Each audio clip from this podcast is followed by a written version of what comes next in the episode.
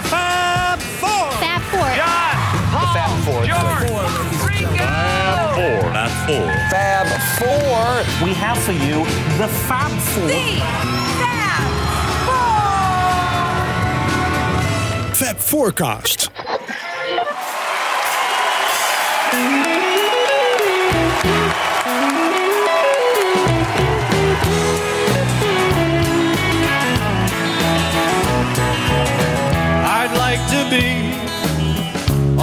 The sea in an octopus's garden in the shade. He'd let us in, knows where we've been in his octopus's garden in the shade.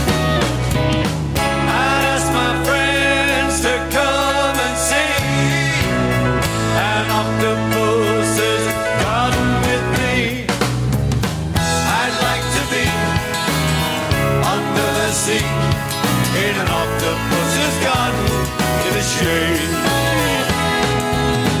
We would be warm below the storm in our little hideaway beneath the waves. Resting our head on the seabed in an octopus's garden near a cave.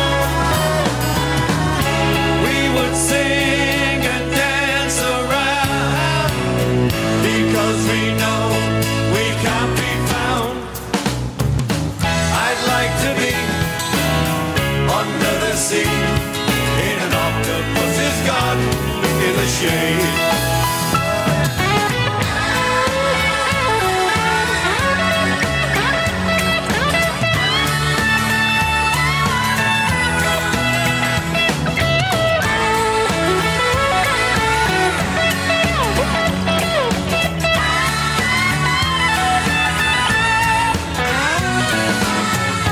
We would shout and swim about the coral that lies beneath the waves. Oh, what joy for every girl and boy, knowing we're happy and we're safe. We would be so happy, you and me. No one there to tell us what to do. I'd like to be under the sea in an octopus's garden with you. In an octopus's garden with you. In an octopus's garden with you.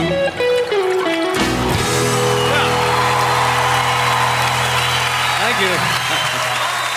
Fab Forecast. Ja, luisteraars, welkom bij een nieuwe aflevering van de Fab Forecast. Met Wiebo. en, En Michiel. ja, en we begonnen deze aflevering eh, met eh, Octopus's Garden uit 2005. Ringo Starr, zijn stem nauwelijks veranderd eigenlijk. Ja. Wat klinkt dit goed zeg. Ja, dat is echt, ongelooflijk. hè? Ja, hij klinkt echt heel goed. Ja, Ringo, ja. maar eigenlijk toch altijd wel, of niet? Ik bedoel, die stem is toch niet heel veel veranderd? Nee. Maar klinkt het in zijn tours altijd zo goed tegenwoordig? Dat Octopus Garden als hij dat speelt? Ja, ik, ik heb hem de laatste tijd eigenlijk niet meer horen spelen. Dat was echt 2005. Hij wisselt dat wat af. Maar ik vind nog steeds, als hij die oude Beatle-nummers doet, dat dat nog altijd wel redelijk goed klinkt. Dus, Ja. eh, Ja, hij zingt toch eigenlijk beter dan McCartney Ja, momenteel. Dat is toch wel erg wel. om te constateren. Het is wel heel erg om te constateren, maar het is Ja. wel zo. Dat betekent overigens dat we een nieuwe aflevering gaan doen van eh, de Abbey Road sessies. We zijn inmiddels bij aflevering 3. We hebben net de single gehad eh, die er tussendoor kwam. The Ballad of John and Yoko en Old Brown Shoe. En nu gaan we over naar Oh Darling en Octopus's Garden. We beginnen met eh Oh Darling, want we doen het, ik doe het altijd een beetje in chronologische stijl. Dus eh, op een gegeven moment zijn ze begonnen met het nummer. Op die datum neem ik als uitgangspunt. En zo gaan we de hele sessies door eigenlijk. En eh Oh Darling was de, echt de volgende die aan de beurt was. En die is eigenlijk geschreven eind eh, december, december waarschijnlijk, 1968.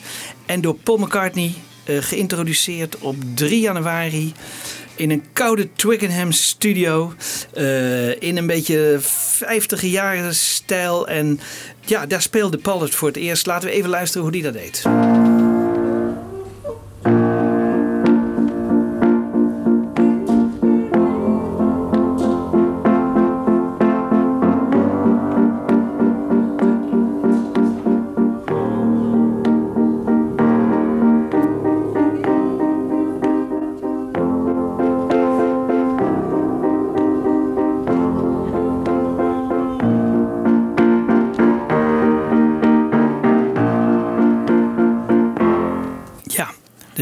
Is er nog niet helemaal, maar de muziek al Zeker redelijk. wel, ja. Hè? Piano gebaseerd. John en George eh, laten zich nooit heel erg positief uit over McCartney. Maar in dit geval waren ze toch wel redelijk eh, positief. George zeker. Hij vertelt er wat over eh, in het volgende interviewfragment. Oh Darling, to me, is another Paul song, which is typical sort of 1950 to 60 period type of song. The chord structure and everything, it's really nice. Uh, you know those groups, I can't remember their names. Uh, Oh, like the moon glows and yeah, you know there was a period, there was hundreds of monotone. Yeah, but it's typical sort of 1955 type song. Uh, happiness is a warm gun. There was a feel of that. Yeah, yeah, yeah. With the wah, yeah, that's it.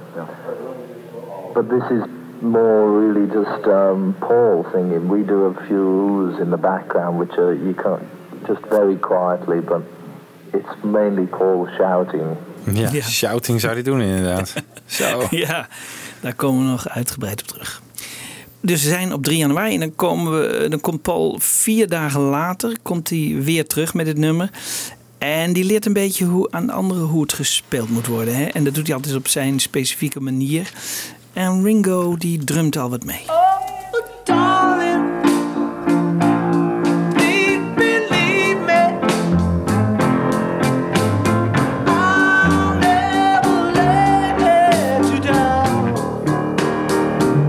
C minor. Believe me when I tell you. See, that goes C minor to F.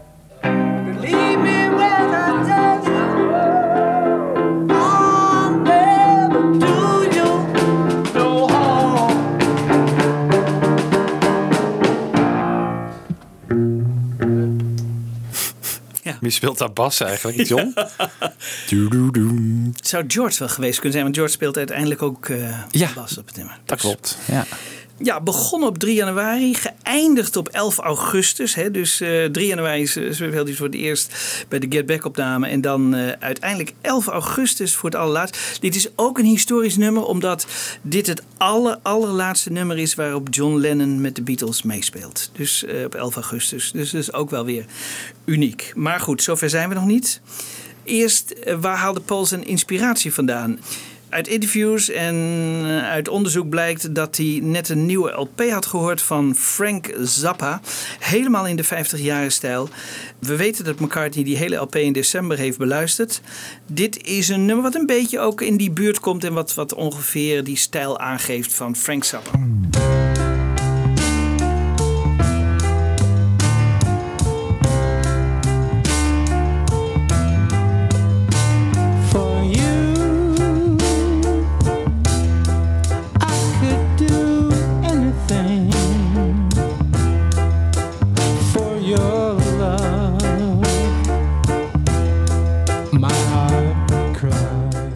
Beweren dat hij de muzikale structuur dat hij die gehaald heeft van Charles Brown, Please Come Home uit 1961. Bells will be ringing the glad, glad news. Oh, Christmas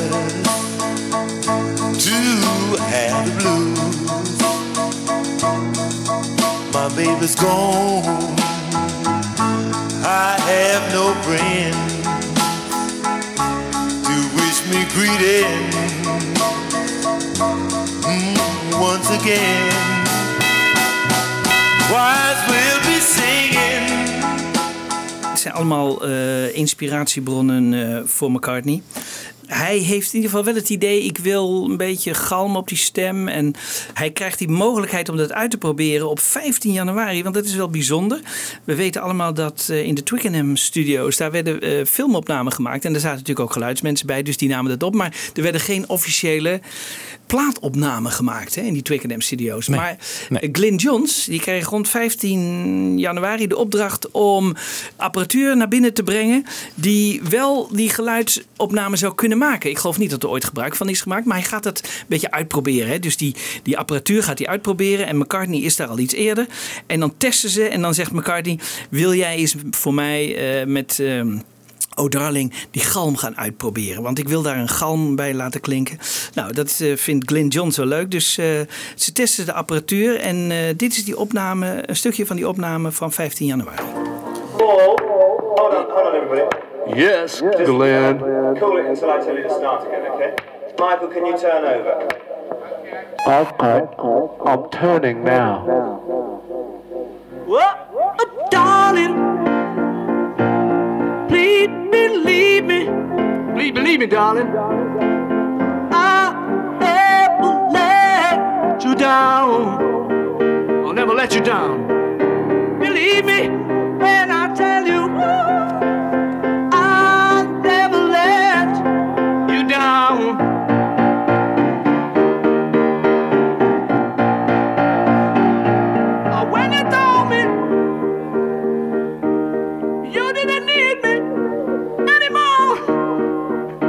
you know what? I nearly broke down and cried.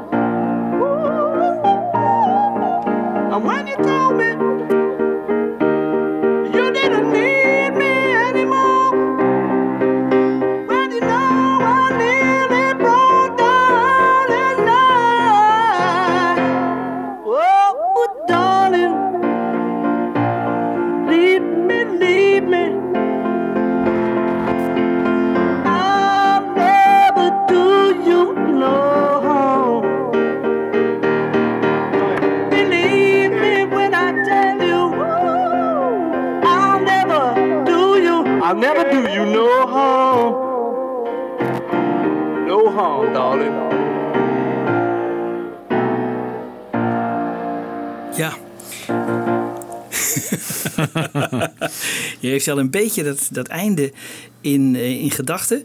Want dit einde komt eigenlijk van Elvis Presley. Hij heeft dus niet alleen de gram van Elvis Presley van One Night, maar ook het einde. Dat kopieert hij eigenlijk één op één. Want luister even naar het einde van eh, One Night van eh, Elvis Presley. One night.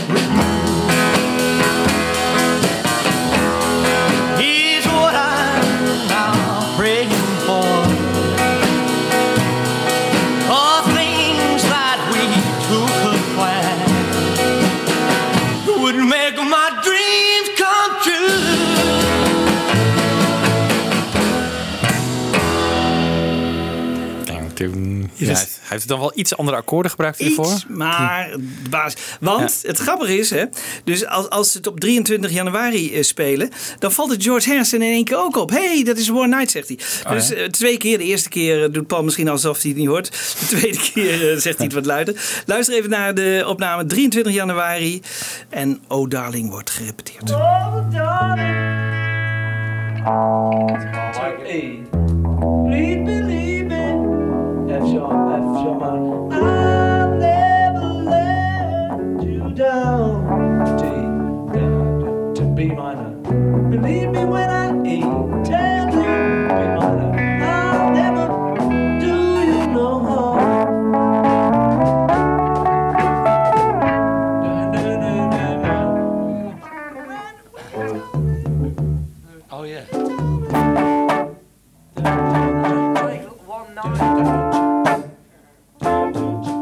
like uh, the bass drum the bass do the first two.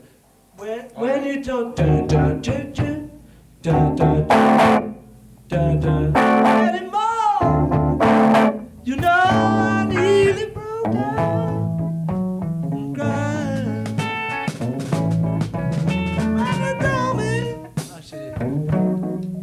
I might have to get something simpler.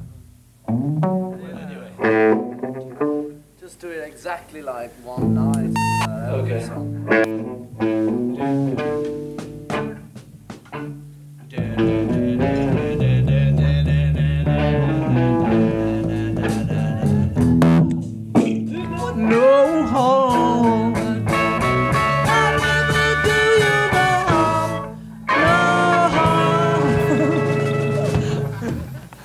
Reageert er niet echt op. Nee, hij reageert er niet echt op.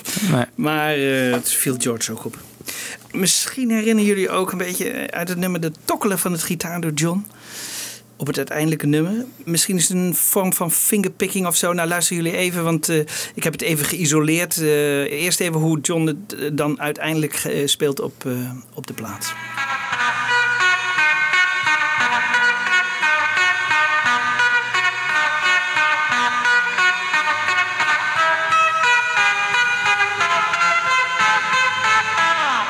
Dat is het, hè? Wat we dan uiteindelijk eh, in die verborgen in die mix bijna horen. Hier hoor je John voor het eerst en, en dat hij met dat tokkelen komt. Dus dat vind ik ook zo leuk. Hè? Dat altijd, dat we kunnen hier eigenlijk door die eh, Get Back en Let It Be opname... kunnen we eigenlijk een beetje horen hoe nummers ontstaan.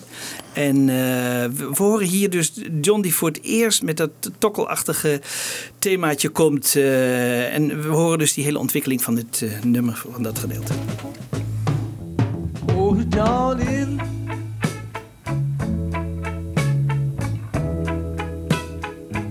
Please believe me, it's like a tribute to Otis Redding. I'll never do you no harm. Believe me when I tell you, I'll never do you no harm.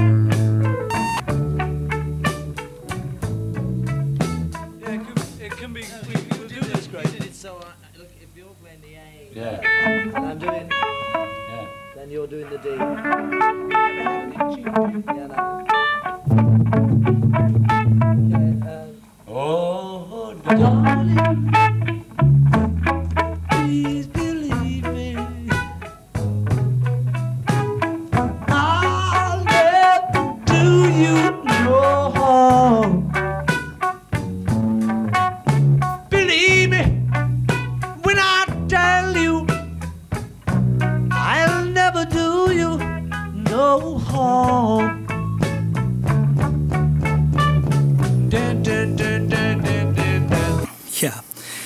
De inspiratie bij Paul, zegt hij zelf, dat, dat kwam van Sam Cooke. Bring it on home to me. Ik kon dat niet direct ontdekken totdat ik het Animals nummer hoorde. En daar vond ik de pianoakkoorden wel weer heel erg lijken op eh, Oh Darling. Dus laten we even luisteren naar de Animals.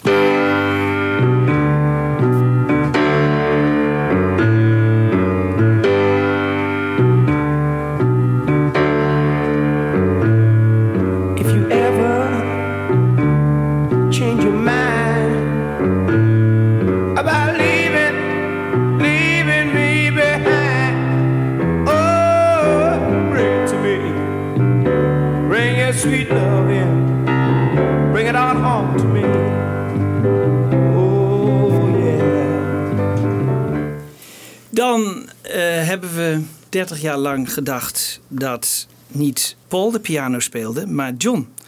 En dat kwam door een foutje van Mark Lewison in zijn boek The Recording. Oh, echt waar? Ja. Ja? Ja, dus die zei eh, John op piano, Paul op bass en dan eh, John en, en George op gitaar.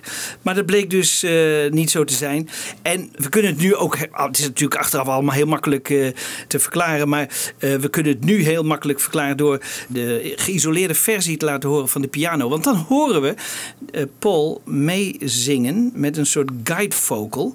En nou, dat geeft eigenlijk alweer dat hij zeker de piano heeft gespeeld. Het is ook echt Paul die gedurende de Let It Be opname eigenlijk voortdurend de Ja, piano hij speelt speelt. het zelf natuurlijk, ja. Hij speelt het zelf. Ja. Ja, en niemand eh, zou er ook aan denken waarom, waarom John dat zou doen. Maar goed, eh, doordat eh, Mark Lewis die fout heeft gemaakt, hebben we dat dus 30 jaar lang gedacht. En ehm, George speelt de bas. Eh, dat weten we nu ook. Dat is wel definitief. Alhoewel er ook gedacht is dat eh, Paul nog een keer die bas heeft overgedubt. Dus dat, ehm, dat niet ehm, George dat echt speelt, maar Paul. Maar goed, daar zijn speculaties over. Laten we eerst even luisteren naar het stukje piano. eh, waarbij Paul echt die guide vocal hoort zingen. One, two.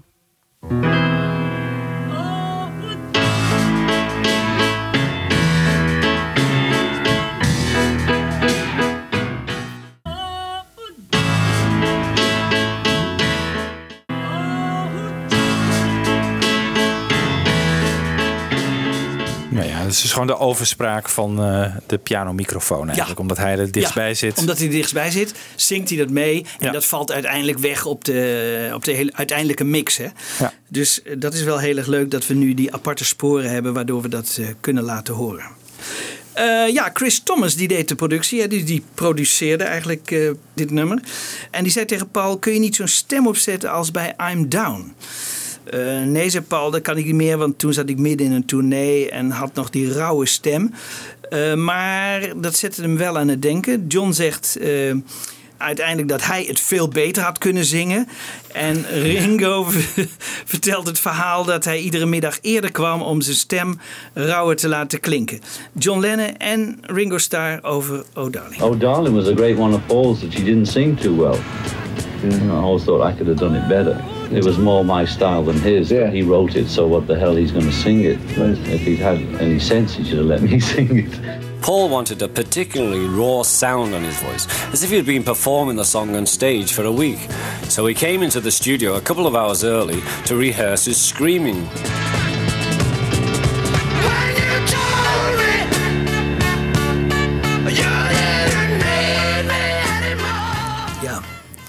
Merkwaardig ook altijd dat John dat heeft gezegd, hè? Ja, vind ja. ik. Bovendien vind ik hem, inderdaad, Chris Thomas zegt ook, eh, zing het als I'm Down. Een McCartney-nummer. Ik bedoel, zo, hoezo is het nou typisch Lennon, dit nummer? Of had hij dat beter gedaan? het- my style, ja. Ja, dat, Ja. ik vind Misschien eh, dit soort nummers in de cavern wel meer zongen of zo, maar... Ja, John had het prima gekund, maar ik vind niet dat... eh, Had John het beter gekund? Ja, dat weet ik niet. Betwijfel het. Ik toch ook. Ja. Hij zegt ook van, eh, it's one of Paul's that he didn't sing too well. Dus Ja. eigenlijk zegt hij van, eh, Paul zong het ook niet goed. Nee, nee. Nou, Hoe had hij dan moeten zingen? Ja. Nou ja, je hebt op die Abbey Road box nu zo'n take waarvan je wel meer hoort dat het een jaren 50 nummer is. Dat heb ik eigenlijk nooit zo in de definitieve versie zo gehoord. Omdat er ook heel eh, zo'n slaggitaar is van pam. Dat is echt wel heftige, typische niet jaren 50 sound. En daar zingt hij eh, het ook meer als een oh, daar, een beetje als een crooner. Ja. En dat heb je in de uiteindelijke versie natuurlijk helemaal niet meer. Nee. Dus, eh, Maar ik denk misschien... dat, dat John Lennon helemaal erg had gevonden, toch? Ik bedoel, die, die had dit echt als een rocker. Ik bedoel, de- hoe had John, had John het dan als een crooner willen zingen? Ja, misschien meer.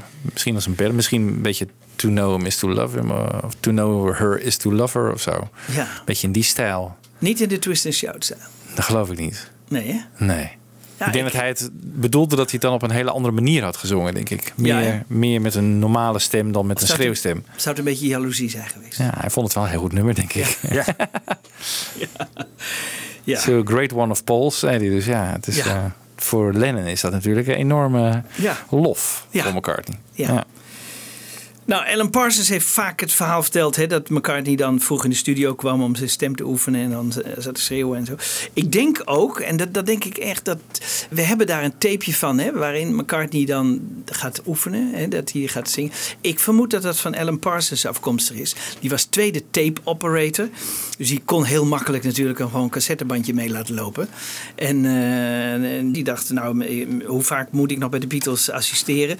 Dit wordt mijn eh, Hour of Fame. Ik kan natuurlijk nu een bandje mee laten lopen en dat ooit eh, ik denk dat het vandaar vandaan komt. Want ik kan me niet voorstellen, Jeff Emmerich heeft later wel iets verkocht hè, van de Abbey Road sessies, maar niet in de, dit is ook een hele andere kwaliteit op een of andere manier. Dus ik, ik vermoed als het iemand zou moeten zijn, dan zou het Alan Parsons moeten zijn. Die het gewoon heeft laten meelopen. Want hier liep natuurlijk niet voortdurend een, een tape mee. Want dit was alleen om te oefenen. Ja. Dus iemand moet gewoon echt speciaal een tapeje hebben mee moeten laten lopen. Nou ja, als je die tape eh, weer onder de instrumentale backing tracks zet, ja, dan gaat hij wel helemaal uit zijn dak. Dus dat is wel heel grappig. Dus eh, we laten even Paul McCartney horen dat hij aan het oefenen is en dan eh, meezingt met de backing track. It sounds all right. Is that three and a half, though? Yes, it sure is. Yes, you better believe it. Come on, folks. Let me hear it.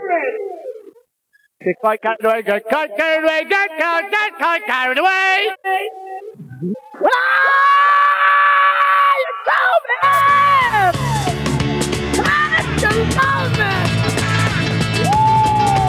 When you told me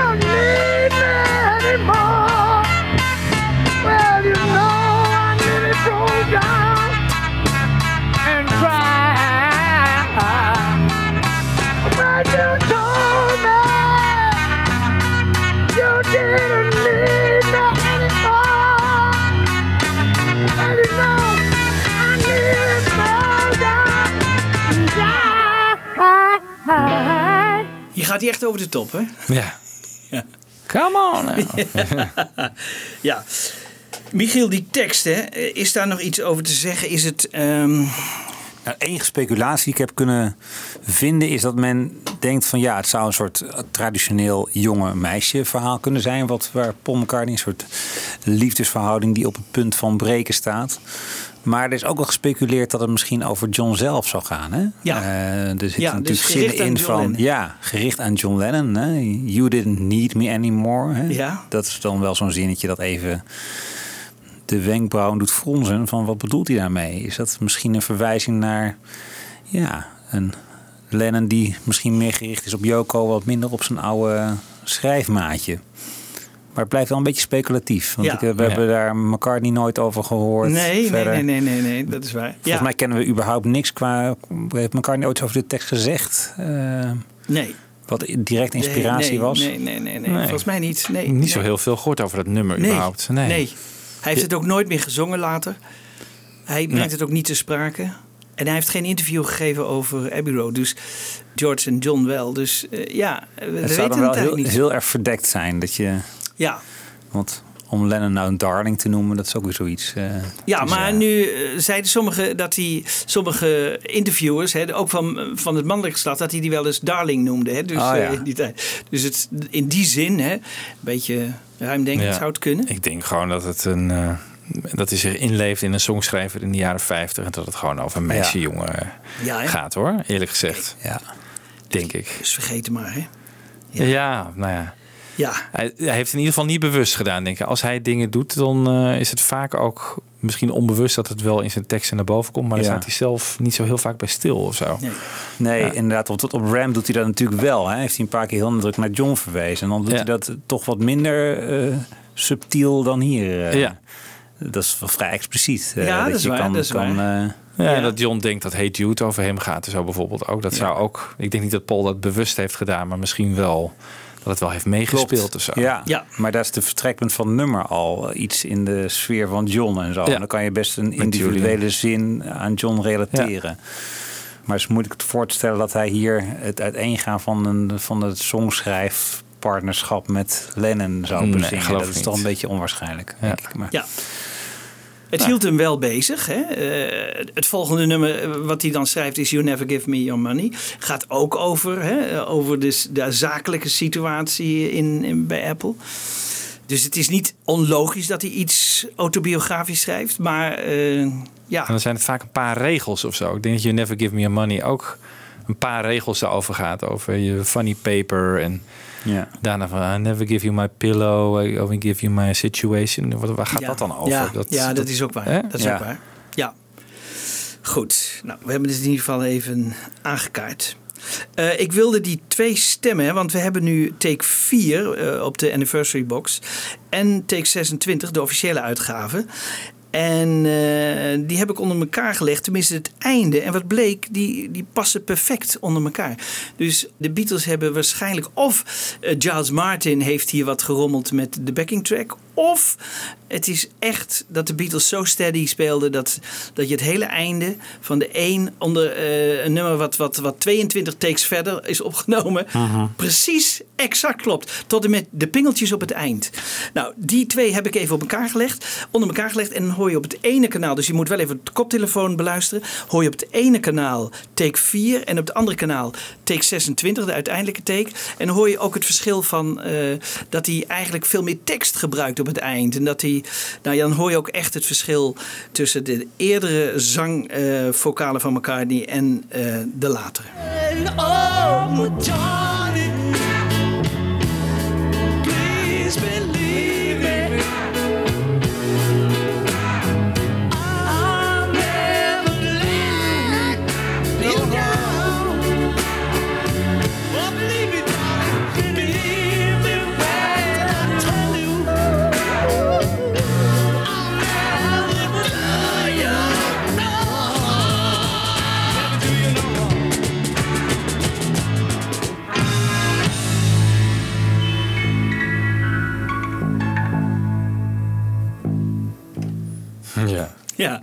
De, die 26 is, is natuurlijk, hè, maar dat, goed, daar heeft hij ook dagenlang over gedaan. Maar eh, dat is met veel meer inzet en ook veel meer tekst eh, zelfs. Dus eh, vond ik wel interessant.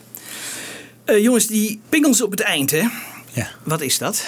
Dat is even een leuke vraag voor jullie. Ik denk dat dat aan de onderkant van de gitaar is, waar de snaren wat hard zijn eigenlijk. En Na die, ik weet niet hoe je zo'n ding noemt, zo'n brug of zo. Als je daar de snaren aanraakt, dan heb je er ping, ding, ding, ding, ding, soort... Ja, toch? Is dat het niet? Ik vind het geweldig. Laten we nog één. Ja, oké. Eh, nee, want dit is echt. En Michiel die kijkt erbij van, wat, waar, wat heb je het over, man? Zou het niet gewoon kunnen zijn dat je een piano Nou, opent? En Heel je- grappig, heel grappig. Dat denken heel veel mensen. Hè? Dus dat het een piano is waar misschien met een metalen voorwerp of zo tegen die snaar aan wordt. eh, Zou ook kunnen. maar dat is het niet. Eh, laten we nog even luisteren naar die eind. Ik heb wat verschillende versies van dat, die eindklanken.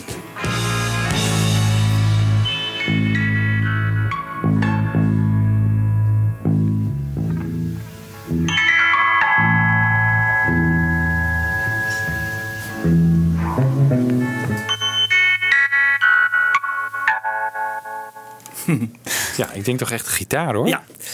Het, je hebt helemaal gelijk. eh, ja, ja, want ik, heb, ik moest het ook navragen hoor. Ik heb het aan eh Diederik Nomde nagevraagd van de Analogs. En die zei, ja, Jacques Bico die heeft er even lang over gedaan om te ontdekken wat het nou precies was. Nou, het bleek inderdaad wat jij zegt.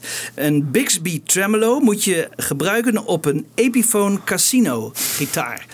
En alleen in die combinatie, dus bij geen enkele andere gitaar, kan je dit bereiken.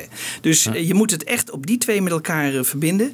Vond ik heel erg leuk. Maar ja. Bixby is zo'n eh, tremolo-effect, zo'n hendeltje, weet je wel, aan je gitaar. Dan kun je het geluid zo mee doen. Oké, maar dan met zo'n fret of met zo'n ding die je erop op Nee, zet, hè? je, de snaren staan aan de onderkant van de gitaar wat omhoog, weet je. Daar houdt is zo'n zo'n kam, Kam, of ja. kam of Ja, zo houdt ja, het omhoog. Ja. En daarboven speel je, maar aan de onderkant daar lopen de snaren zo naar één punt toe. Stapsgewijs toe naar elkaar, ja. En daar staat het echt gewoon heel erg op spanning, heel erg. En als je die snaren dan aanslaat, dan krijg je echt zo'n ding dong dong dong dong dong, zo'n geluid. Ja. Ik denk dat en dat met wat eh, reverb erop, dat dat het effect is, maar Ja, misschien wel door een Leslie speaker of zo kan natuurlijk ook. ja, misschien daar hebben ze wel een effectje overheen gegooid. Ja, wel heel erg leuk. En, en heel knap natuurlijk weer om dat te vinden. Ik bedoel, hè, dat je, want het is precies op het goede moment en het past ook zo perfect. Hè? Het is echt. eh, ja. Mark Lewison maakt ook nog gewacht van dat ze tijdens het nummer, tijdens de opname van dit nummer, speelde John in één keer een nummer tussendoor Games People Play van Joe South. En die op dat moment in de hitparade stond. Die is niet bekend, tenminste, we hebben het niet van de Beatles. Maar ik wilde toch even laten horen wat, wat voor nummer op dat moment veel indruk maakte op, eh, op John Lennon. En zodanig dat hij het eh, in één keer spontaan begon te spelen.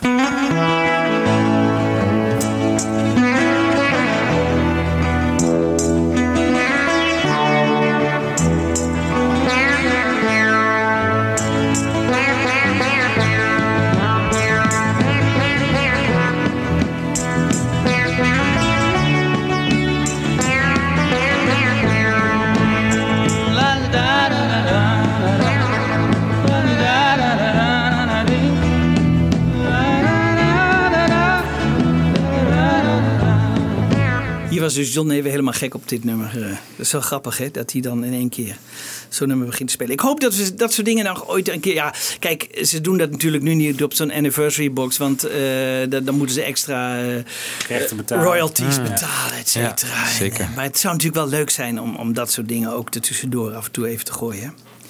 Goed, dan eh wil Paul McCartney op een gegeven moment eh, drie sporen vrijmaken voor, ehm, om de vocals te, eh, te doen. Dus hij wil elke dag een vocal opnemen. Dus, en dan op het, na de derde dag wil hij kijken welke stukjes van al die drie dagen kan ik achter elkaar zetten. Dus dan kopieert hij van de een naar de andere spoor. En dan uiteindelijk krijgt hij een heel goed spoor. Dus de uiteindelijke vocals zijn, bestaan uit verschillende dagen dat hij dat Ah, heeft opgenomen.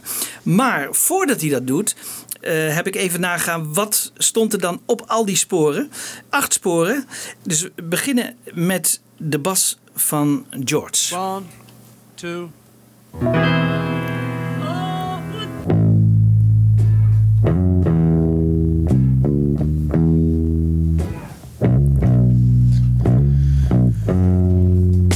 Dat was spoor 1. Spoor 2, de drums van Ringo.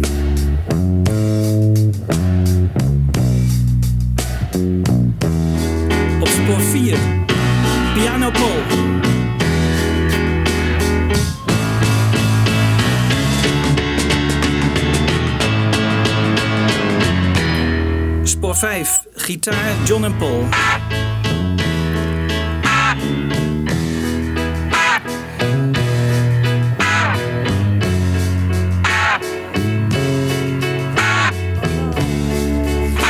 Spoor 6.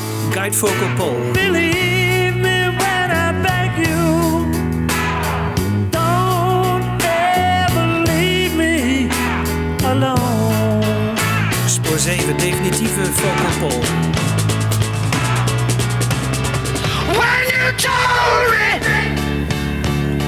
You didn't need me anymore. Well, you know I nearly broke down and cried. When you told me you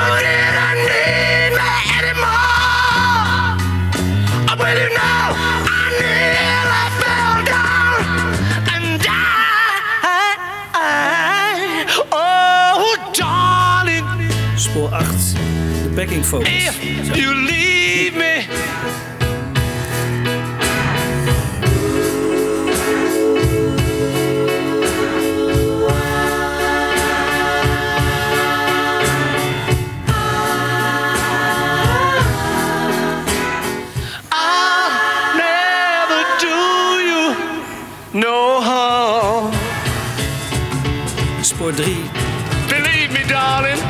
Van Billy Preston.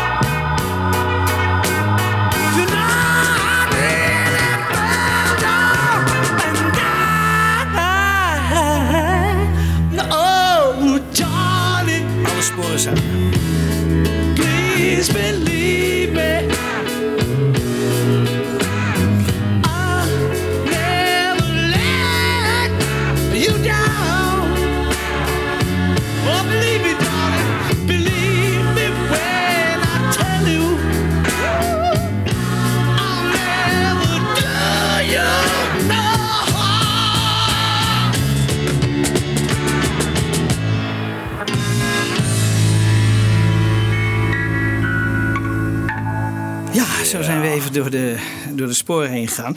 Eh, wat hij dus deed, was de guide vocal. Die wiste die en die gebruikte die dus voor een definitieve vocal van een van de dagen. Het orgel van Billy Preston moest er ook aan geloven op spoor 3. Want dat gebruikte hij ook voor een eh, definitieve vocal. En dan spoor 7, de definitieve. Dat werd de uiteindelijke definitieve vocal. Dus hij bounced een beetje. Dat betekent dat hij van de een naar de ander kopieert. En zo een allerbeste vocal kreeg op spoor 7. Oké, dus Billy Preston doet nog wel mee eigenlijk met de, met de sessies. Ja, tot aan het de- eind. Tot Ja. aan het eind. Maar het, heeft het niet gehaald. Want eh, McCartney vond de vocalen belangrijker dan het orgel. Ja. En want we horen het orgel dus wel op eh, take 4 hè, van, Ja. eh, Van de van anniversary box. Dus vandaar dat ik hem toch eventjes kon laten horen.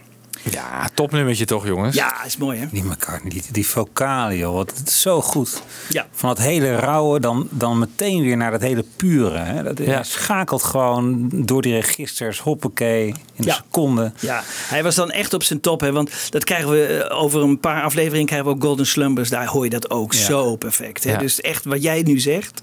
Ja. Het hele, eh, het, bijna van lieflijk naar rauw, naar, naar rocker. Naar, oh, ongelooflijk. Dat Ja. is echt, ja, hij was op de top van zijn kunnen echt. Zeker. Echt fantastisch. Ja. Want nog even, hè, als we teruggaan naar, naar Why Don't We Do It in the Road. Ook een geroemde vocaal. Hè, die heb jij eerder behandeld eh, vorig jaar, nou ja, afgelopen jaar. Ja. Daar hoor je dat ook. Hè, van, dat, op een gegeven moment die falset. Hè? Ja. Dat schakelen, gewoon tak. Gewoon, en, Ja. Dat je dat zo kan. Het is echt... eh, Ja. Dat hoor je hier. Oh ja, hier, Ja. Is, hier is het meer de pure eh, rock and roll stem eigenlijk. eh. maar ook heel hoog en, en ook heel zuiver. Ja, En niet over de top. Maar hij heeft dus verschillende dagen gebruikt. Hè? En elke keer heeft hij van, van elke dag heeft hij het allerbeste stukje gebruikt. Dus eh, zo kreeg hij een, een top vocal eigenlijk. Hè? Oh, het- dus eigenlijk is, is, want wel dit een is dus niet in één- samenstelling. ja, ja, het is een samenstelling van verschillende dagen. Want, dat is bij, want zo kom ik eigenlijk op. Bij, bij Why Don't We Do It is het toch ook zo? Dat falsetje dat komt uit een eerdere take en dat plakt hij dan aan een. eh, Dat kan ik dat me niet kan meer herinneren. vaag herinneren. Van, maar goed. eh, Dat zou kunnen. Oké, maar dus hij, hij compileert wel. Ja, hij dus, compileert wel. Ja. Ik bedoel, hij heeft het ook in de begintijd heeft hij het nooit de, aangedurfd om dit eh, live te spelen. Nee. Want dit is echt Nee. eh, topwerk. Ik bedoel, dit, dit krijg je bijna niet live zo. Want, en we weten hoe een perfectionist hij is. Dus dan wilde hij het, hetzelfde als op de LP. Want Ja. anders, eh, ja. Maar ook het dan weer kunnen knippen en plakken. Ik bedoel, om dat, om dat goed te doen, dat het geloofwaardig en goed klinkt. Ja, maar je Wat- moet wel voorstellen, hij gebruikt dan hele gedeeltes. Hè? Het is niet zo dat hij één zinnetje daarvan Nee, zo, maar nee. hij gebruikt dat gedeelte daarvan. En, Ja. en dan kan hij heel zich wel makkelijk... samen te stellen hoor. En dan is het wel te doen. Dan is Ja, het wel te doen. Maar en dat doet hij neem ik aan zelf. Hij draait daar aan de knoppen. Eh, ja, maar dat doen mensen voor hem. Ik eh, hè, maar hij geeft aanwijzingen. Dit stuk wil ik, eh, wil ik ertussen hebben. Oké. En dan doet die tape operator dat samen met Jeff Emmerich. Ja. Nee, niet met Jeff Emmerich, met eh, Chris. eh, ja, ik weet niet. Ja. Jeff Emmerich was hier niet bij. Dus eh, dit. Maar dat is ook wel weer grappig. Dus een beetje, doet een beetje afbreuk aan. want het klinkt een beetje als een one-taker bijna. Ja. Maar het is natuurlijk Ja, extreem. dat is het niet. Nee, dat- geproduceerd. dat is het en- niet. en- Dat is het niet. Ja. Nee. Maar goed, dat is bij heel veel dingen zo natuurlijk hè. Lijken allemaal one-takers in de popmuziek. Er zijn heel veel samengestelde vocalen. Ja, en, en, en, en eh, bijna al het baswerk van McCartney is, is gewoon los ingespeeld. Net zo tot het goed was. Dus er werd ook niet live meegespeeld eigenlijk. Hè? Dus het is, eh, ja, zo was het. Maar wel eh, gewoon in ongelooflijk knap gedaan. Ik had ook niet gezien hoe John dit had moeten verbeteren. Dat, dat had ik niet. nee. Die had in ieder geval niet zo. Zo'n compilatie van zijn eigen vocalen zes keer. Daar heeft hij gewoon het geduld dan niet voor, denk ik. Eh, Dat was Nee. een, eh, misschien een drie-taker geweest Ja. of zo. En dan, eh, op. Ja. want hij was heel, heel snel was Ja. hij Ja. daarin verveeld en had hij, het, eh, had hij het gehad. Ja, en hij had zijn stem misschien willen vervormd willen zien of weet ik wat. Hè.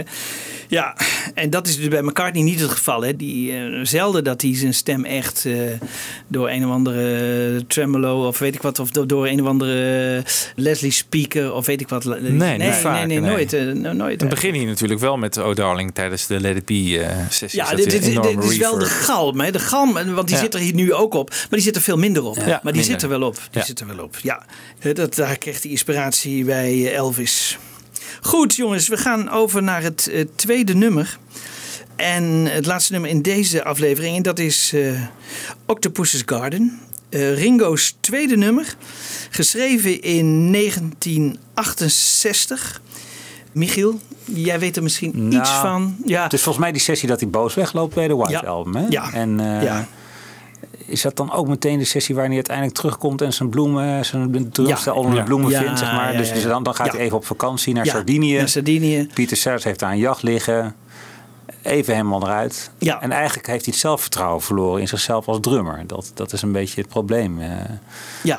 Dan komt die bekende conversatie met de andere Beatles. Hé, ik dacht dat, jij, eh, dat, dat ik het probleem was. Oh, ik dacht eh, dat jij vond dat ik het probleem was, et cetera. En eh, zo, zo vindt hij zich, zijn zelfvertrouwen eigenlijk weer langzaam terug. Ja.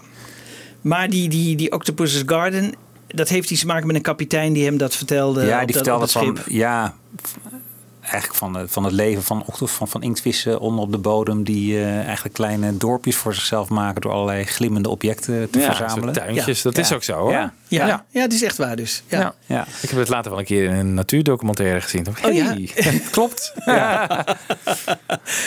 Maar het is toch grappig, want Ringo gaat dan zelf componeren. Hè? Ik bedoel, want hij heeft dat in vier jaar of zo niet gedaan. Nee.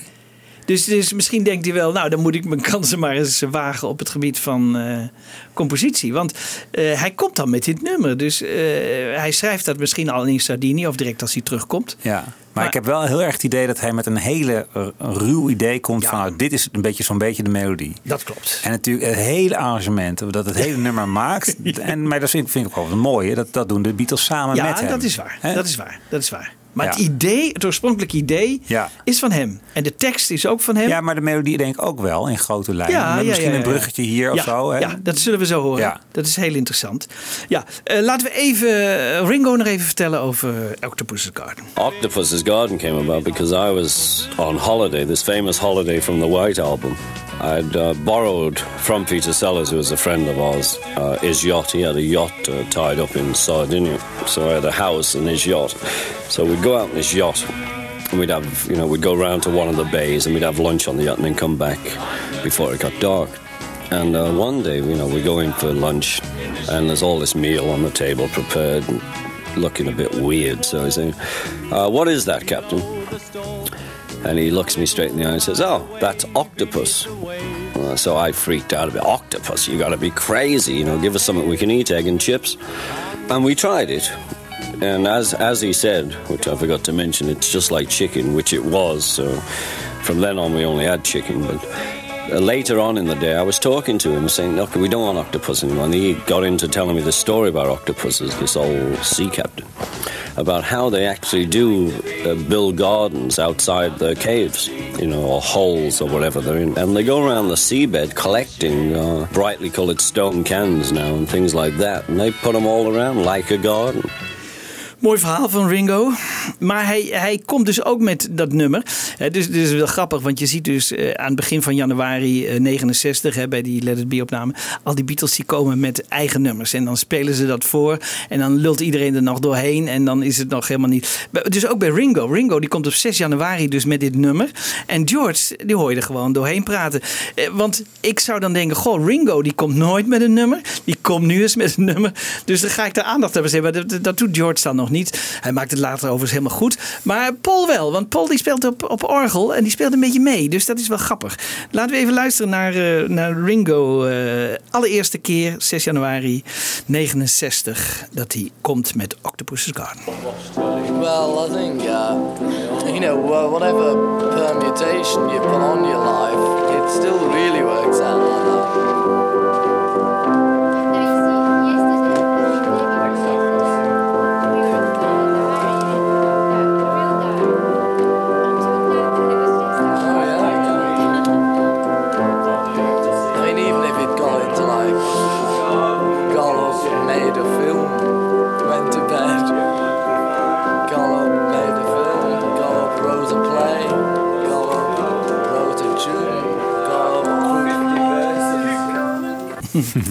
Ja, dus dat is de eerste keer, hè, 6 januari.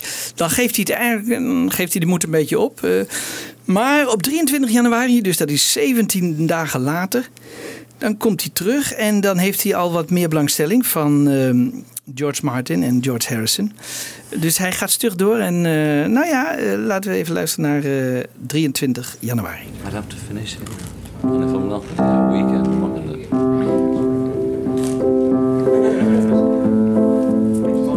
a problem with Glyn though, because I'd like him, uh, you know, if he's starting the thing, I'd like him to finish it. It's silly really to change horses midstream. I know. Him, did he know anybody? Put it down. Really put it low.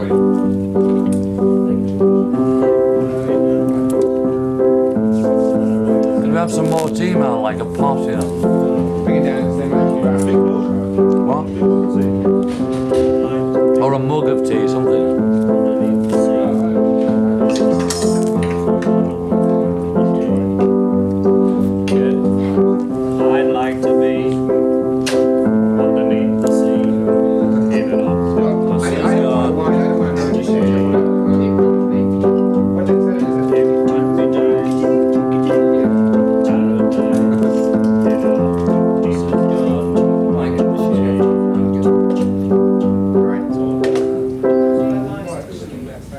Hele opmaatje naar het refrein bestaat nog niet. Nee. Van I ask my friends to Nee, come. dat is heel erg leuk dat je dat Ah. nu zegt. Want het is een beetje zoals Michiel het zegt. Het is in de basis. Hè? Het is Ja. echt eh, zoals hij ermee kwam. Hè? Het- Dit is heel, in zijn simpelste Ja. vorm. Ja.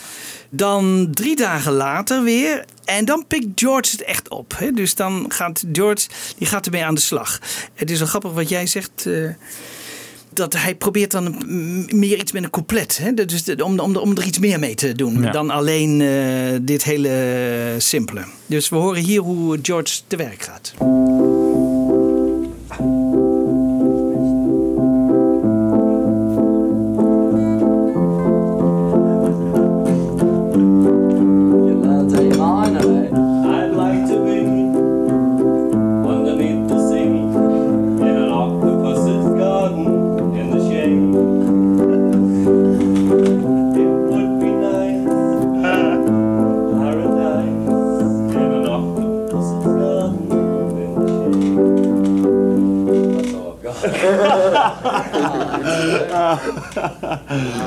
Keep it up.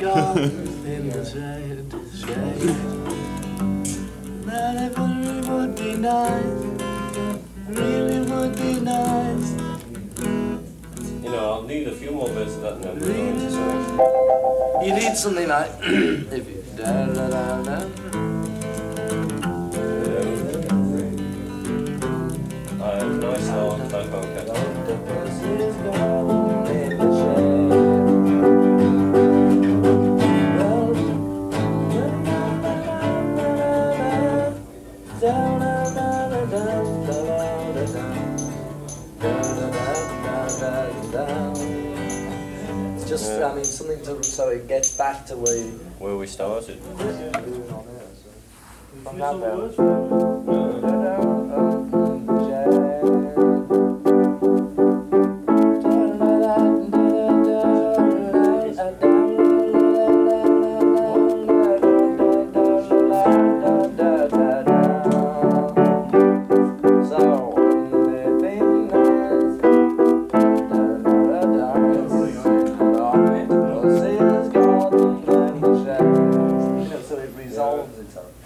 George legt er veel meer eh, structuur in. Hè? Ik denk van ja, we hebben iets ertussen nodig dat het weer terugbrengt Precies. naar hoe het begon. Ja. Eigenlijk is dat hier weer een ontdekking van het is een Starkey Harrison compositie. Zeker. Is er wel. Als hij later geïnterviewd wordt over dat nummer, is hij bijna helemaal lyrisch. Hij ziet zelfs veel meer in die tekst dan wij met z'n allen. is echt heel erg leuk. Octopus's Garden is Ringo's song. Is the second song Ringo wrote, and it's um, it's lovely. You know, it's again like Ringo. He gets bored, you know, playing the drums, and at home he plays a bit of piano, but he only knows about three chords, and he knows that's the same on guitar. and so uh, his main the main music he likes is country and western, so it's really got a country and western feels on, you know. And uh,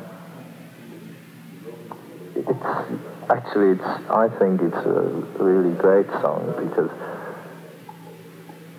um, on the surface it's just it's like a daft kid song, but the lyrics are great, really. For me, you know, I find very deep meaning in the lyrics, which Ringo doesn't probably doesn't see. But all the thing like resting our head on the seabed and something will be warm beneath the storm, uh, which is really great, you know, because it's like this level is a storm, and it's always, you know, if you get sort of deep in your consciousness, it's very peaceful. So Ringo's writing his cosmic songs without noticing. ja, correct. Cosmic songs, Ja, zonder het zelf te weten. Ik snap wel dat George precies. het aanspreekt natuurlijk. Hè? Ja. Gewoon echt eh, spirituele-achtige boodschap. Resting your head on the seabed. Gewoon Ja. nadenken over het leven. Ja. Ja. Ja, en ze hadden allebei ook die behoefte, denk ik wel. Of van, van je terugtrekken uit de gekte van het Beatles zijn. Ja. Want dat eh, was waar Ringo eigenlijk ook mee bezig was, toch? Ja. Toen hij op vakantie ging. Ja. Dus dat sprak George waarschijnlijk ook wel aan. En ik, weet je, ik denk toch ook dat George dacht, van, en die ziet natuurlijk in Ringo ook een beetje zijns gelijke. Want die ziet ook dat hij genegeerd wordt en, en, en, en die probeert hem te helpen. Hè, zoals hij graag geholpen had willen worden, misschien door Paul en John. Ja. Maar het niet kreeg, heeft, brengt hij dat nu wel aan Ringo over. Dus die, die gaat echt met hem mee in die song. En die brengt die song echt op een hoger niveau. En dat vind ik echt eh, geweldig.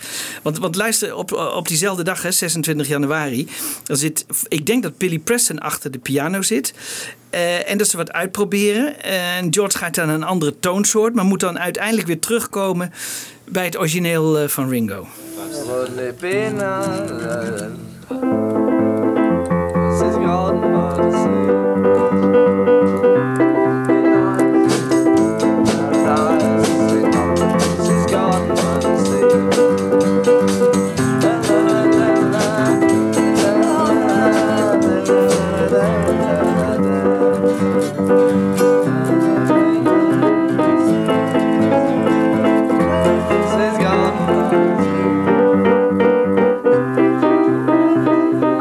that bit after the eh,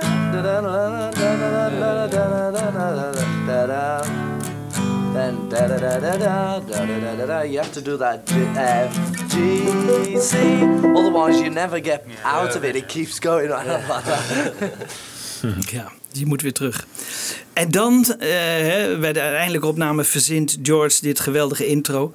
Ik heb het er met Bertolf over gehad en die zegt: Dit maakt eigenlijk het nummer. Het is eigenlijk ongelooflijk knap gevonden. Het begin. One, two, three, four. Maar dan zien ze, dat is nog niet helemaal goed, dus er moet drums bij. Ja, dan zijn ze nog niet tevreden, want dan moet er ook nog een bas bij. Dan is het pas goed. Ik vind het ook zo leuk. Hè? Dat, je ziet dus echt eh, hoe, hoe- hoe ze dat echt eh, hebben opgebouwd. Geweldig. George gaat verder met die solo. En John voegt er een mooi soort fingerpicking gedeelte aan toe.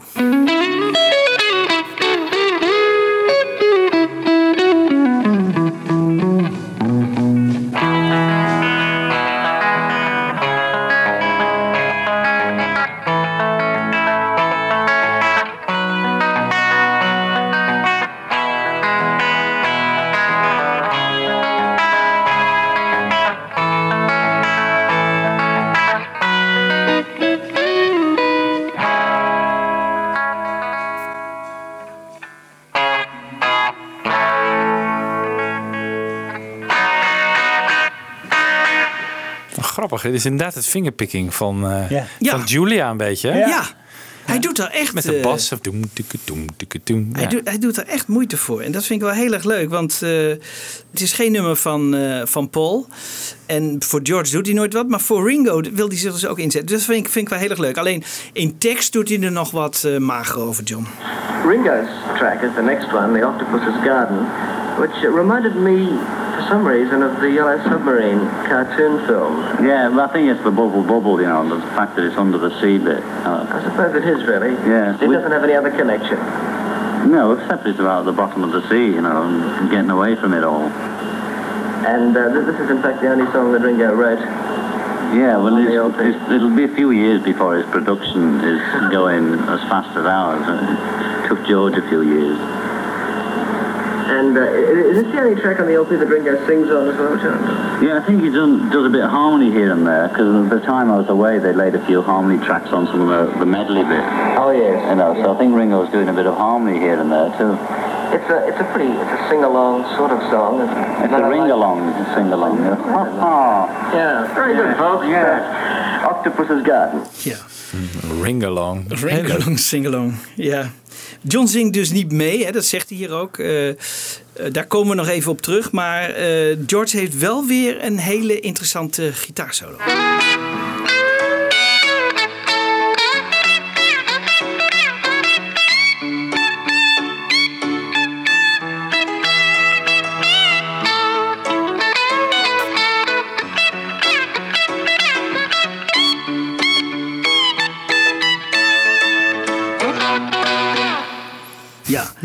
Horen de Miss Mills piano op de achtergrond. Horen we ook, ja. Ja. Ja, ja, Hij had grote moeite met die solo. En dat kunnen we horen als we de solo horen in take 2.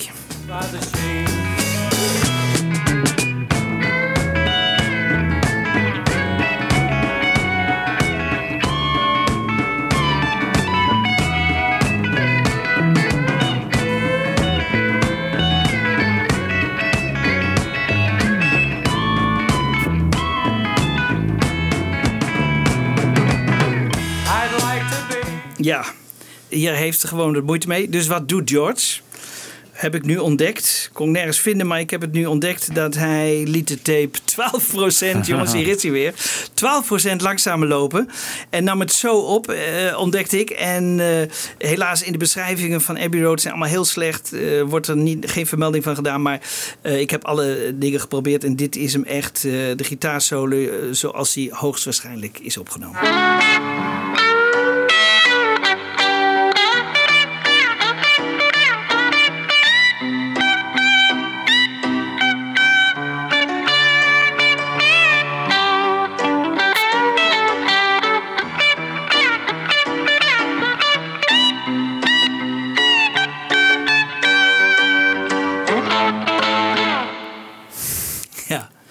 Kijk, dan is het wel wat makkelijker natuurlijk te handelen. En hoe ben je hier achter gekomen dan?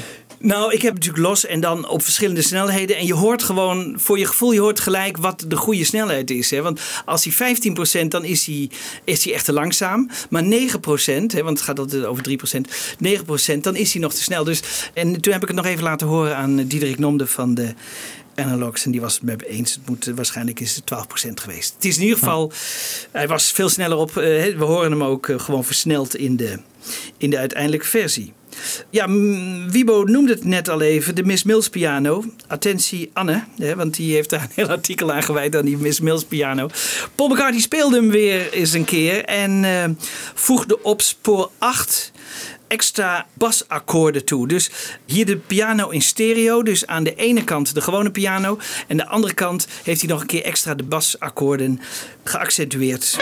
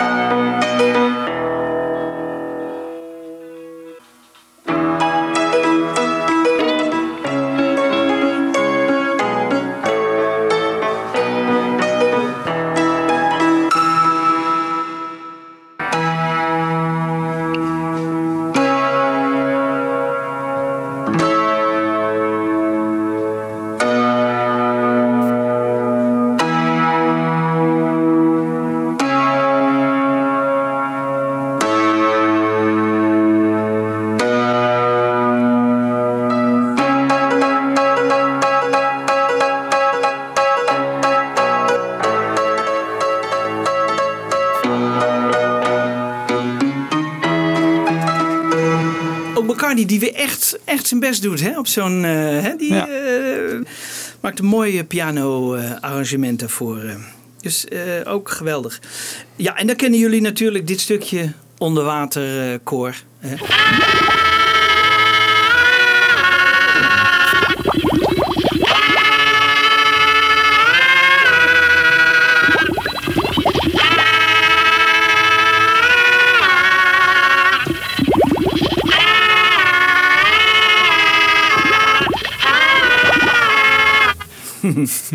ja. Ik vroeg aan Diederik, want die moest het natuurlijk allemaal nadoen, hè, van hoe hebben ze dat gedaan? En hij vertelde mij dat ze hebben gebruik gemaakt van een oscillator. En dat is een apparaatje dat zendt een puls uit. En die puls die onderdrukt het geluidssignaal voor een klein moment. En dat was een idee van Phil McDonald. En Diederik dacht dat het de oscillator was uit de Moog synthesizer. Maar hij heeft het even nagekeken. En 17 juli eh, is dit opgenomen. En de Moog kwam pas op 5 augustus. Het kon hem niet zijn. Dus dan is het een andere oscillator geweest. Niet uit de Moog. Dank Diederik. Ik dacht, hoe heeft dat nou geklonken zonder oscillator? Nou ja, dit is mijn eigen reconstructie.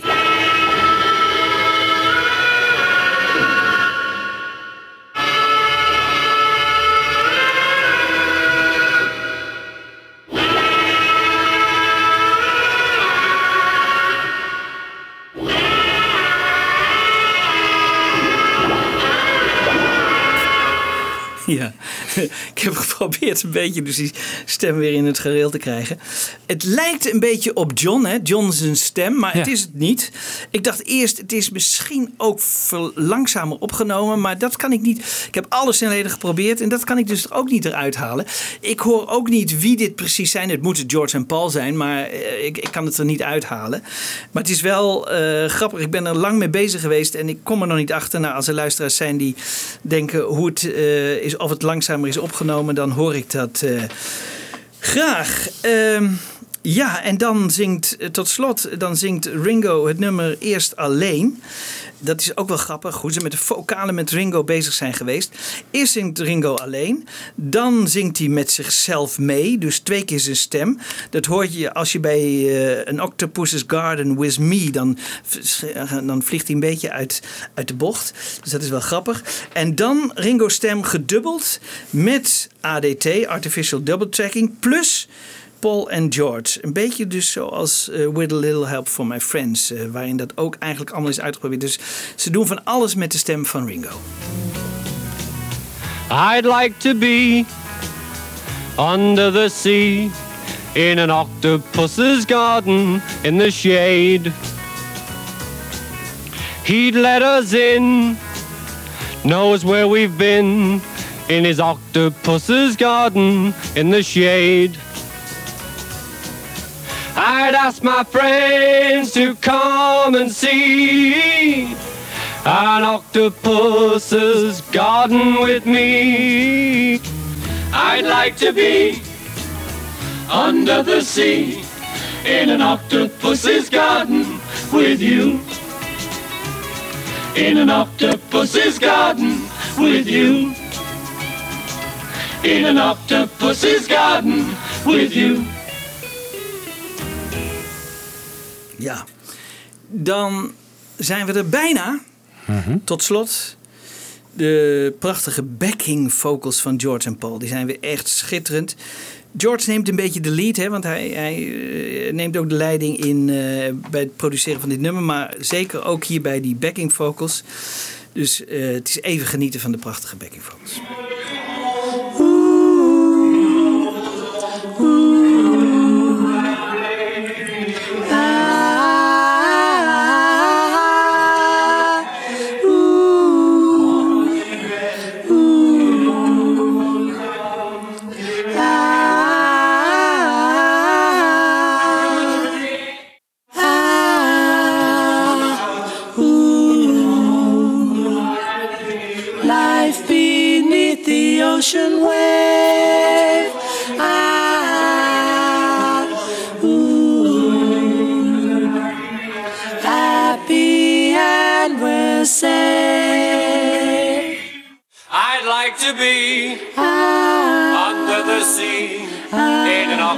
Octopus's garden with you.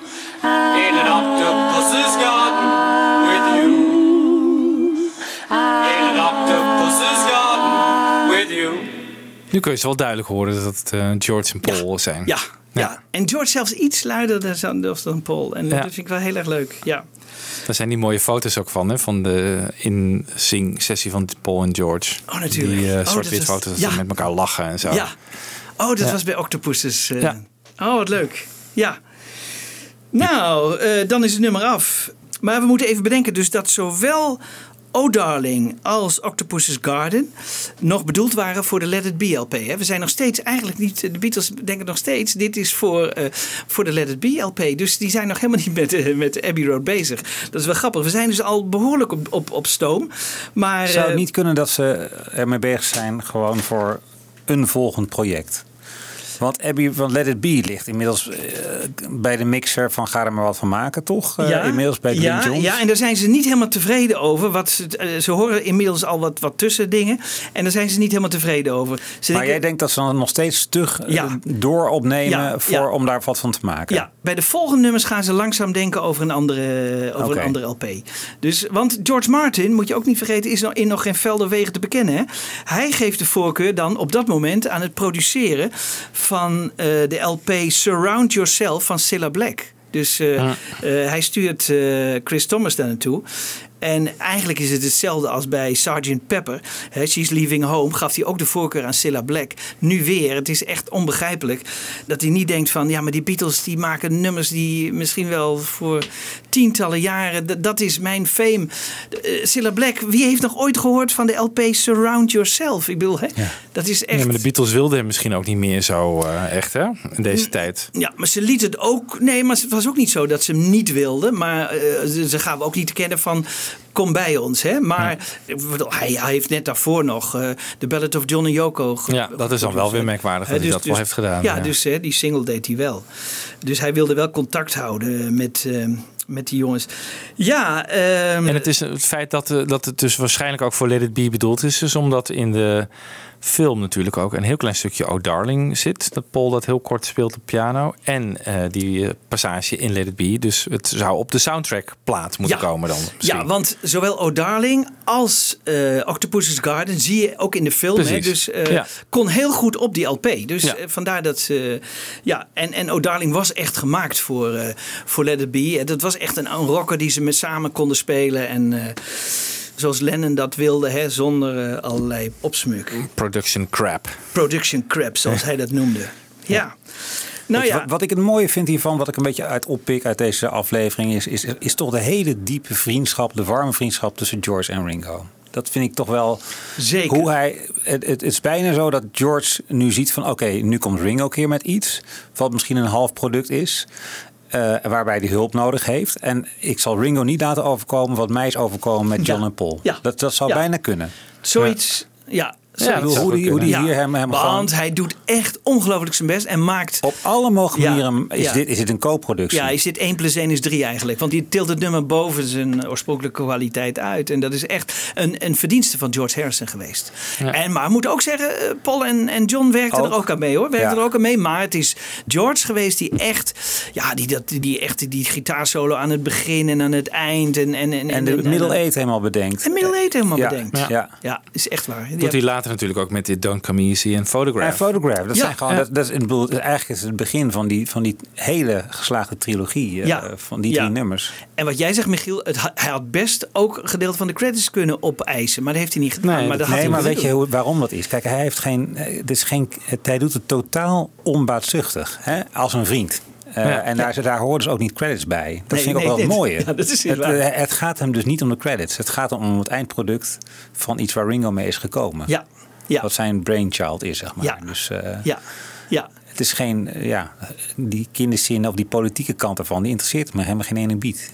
Nee. denk ik. Nee, nee. dat Terwijl denk ik bij McCartney en Lennon speelt dat altijd een rol. Ja, dat is waar. Terwijl George wel op het geld zit, hè? Die was, was wel... eh, het verschil tussen Oh Darling, waar, waar Lennon een beetje zit, te- toch, toch, Ja. toch een beetje te zeuren van eh, wat, wat, wat had mijn rol moeten zijn in dit nummer, weet je wel? Dat is niet de instelling van George bij, bij Octopus's Garden. Hij, hij- ze gaan er gewoon voor, Ze samen. ervoor. Ja, en dan leidt het tot iets heel bijzonders. Ja, nee, dat, dat ben ik helemaal met je eens. Echt leuk om dat te zien in dat hele proces, eh, hoe George zich daarmee bezighoudt en eh, hoe die. eh, Het ja, is ook een heerlijk nummer. Ik bedoel, van, van alle Ringo-nummertjes, ook Yellow Submarine en, en With a Little Help, kan ik dit het beste verteren. Ja, favoriete Ringo-nummer uit de Beatles. Ja. Ja. Ja, het zijn Ja. er maar twee natuurlijk. Maar Nee, nee, maar ik vind het ook nee, echt maar een goed van de andere nummers die hij ja, zingt. En ja, die ja, alle, eh, alle nummers die ja, hij zingt. Ja, ja. Act Oh ja, Naturally, vind ik wel. Ja, ja. Ik vind Ja, ook nee, geen. eh, het. wordt wel gezegd dat het een zwak nummer op Abbey Road is, maar dat vind ik Nee, helemaal niet. nee, vind ik ook niet. Nee. Ik vind het eh, echt Nee. heel goed te passen. Ja. Ja, en de recensies Mooi. waren toen ook al positief over dit Ja, nummer. Oh, ja. Viel het gunstig op, ja. Oh, wat Dat leuk. is- dat is, eh, ja. Ik heb het vroeger nog een keer in mijn studententijd eh, met een bandrecorder, twee spoorrecordertje opgenomen. En dan speelde ik ook met de snelheid van de tape. En dan ging ik eh, eerst normaal inspelen en daarna de, op het tweede spoor ging ik eh, het langzaam dan inzingen. En dan op normale snelheid afspelen, weet Ja. je wel. En dan kreeg ik zo'n chipmunk stemmetje. dus dat is zo'n duet van mezelf met eh Elvin Chipmunk. Oké. Kunnen we nog die eh, volgende keer nog eens laten Heb ik nog horen wel ergens liggen volgens mij. Ja. Zal ik er wel aan vastplakken aan het eind. We- ik ben zeer benieuwd. Ja, oké. we gaan eruit met eh, een aantal eh, bijzondere Oh Darling versies die ik allemaal heb gevonden in de, eh, tijdens de Get Back periode. Eh, langzaam, snel, afijn. eh, ik wilde jullie niet eh, vermoeien gedurende de uitzending, maar eh, als je het nog kunt opbrengen. Oh Darling in alle mogelijke versies. En ik zeg eh, tot de volgende keer. Oh, oh, darling. Please believe me. Please believe me, darling. I'll never do you no harm. Believe me when I tell you.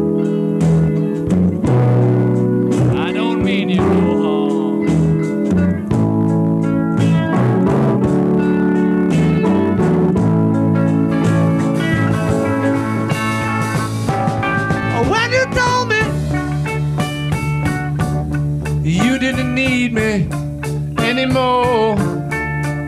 Well,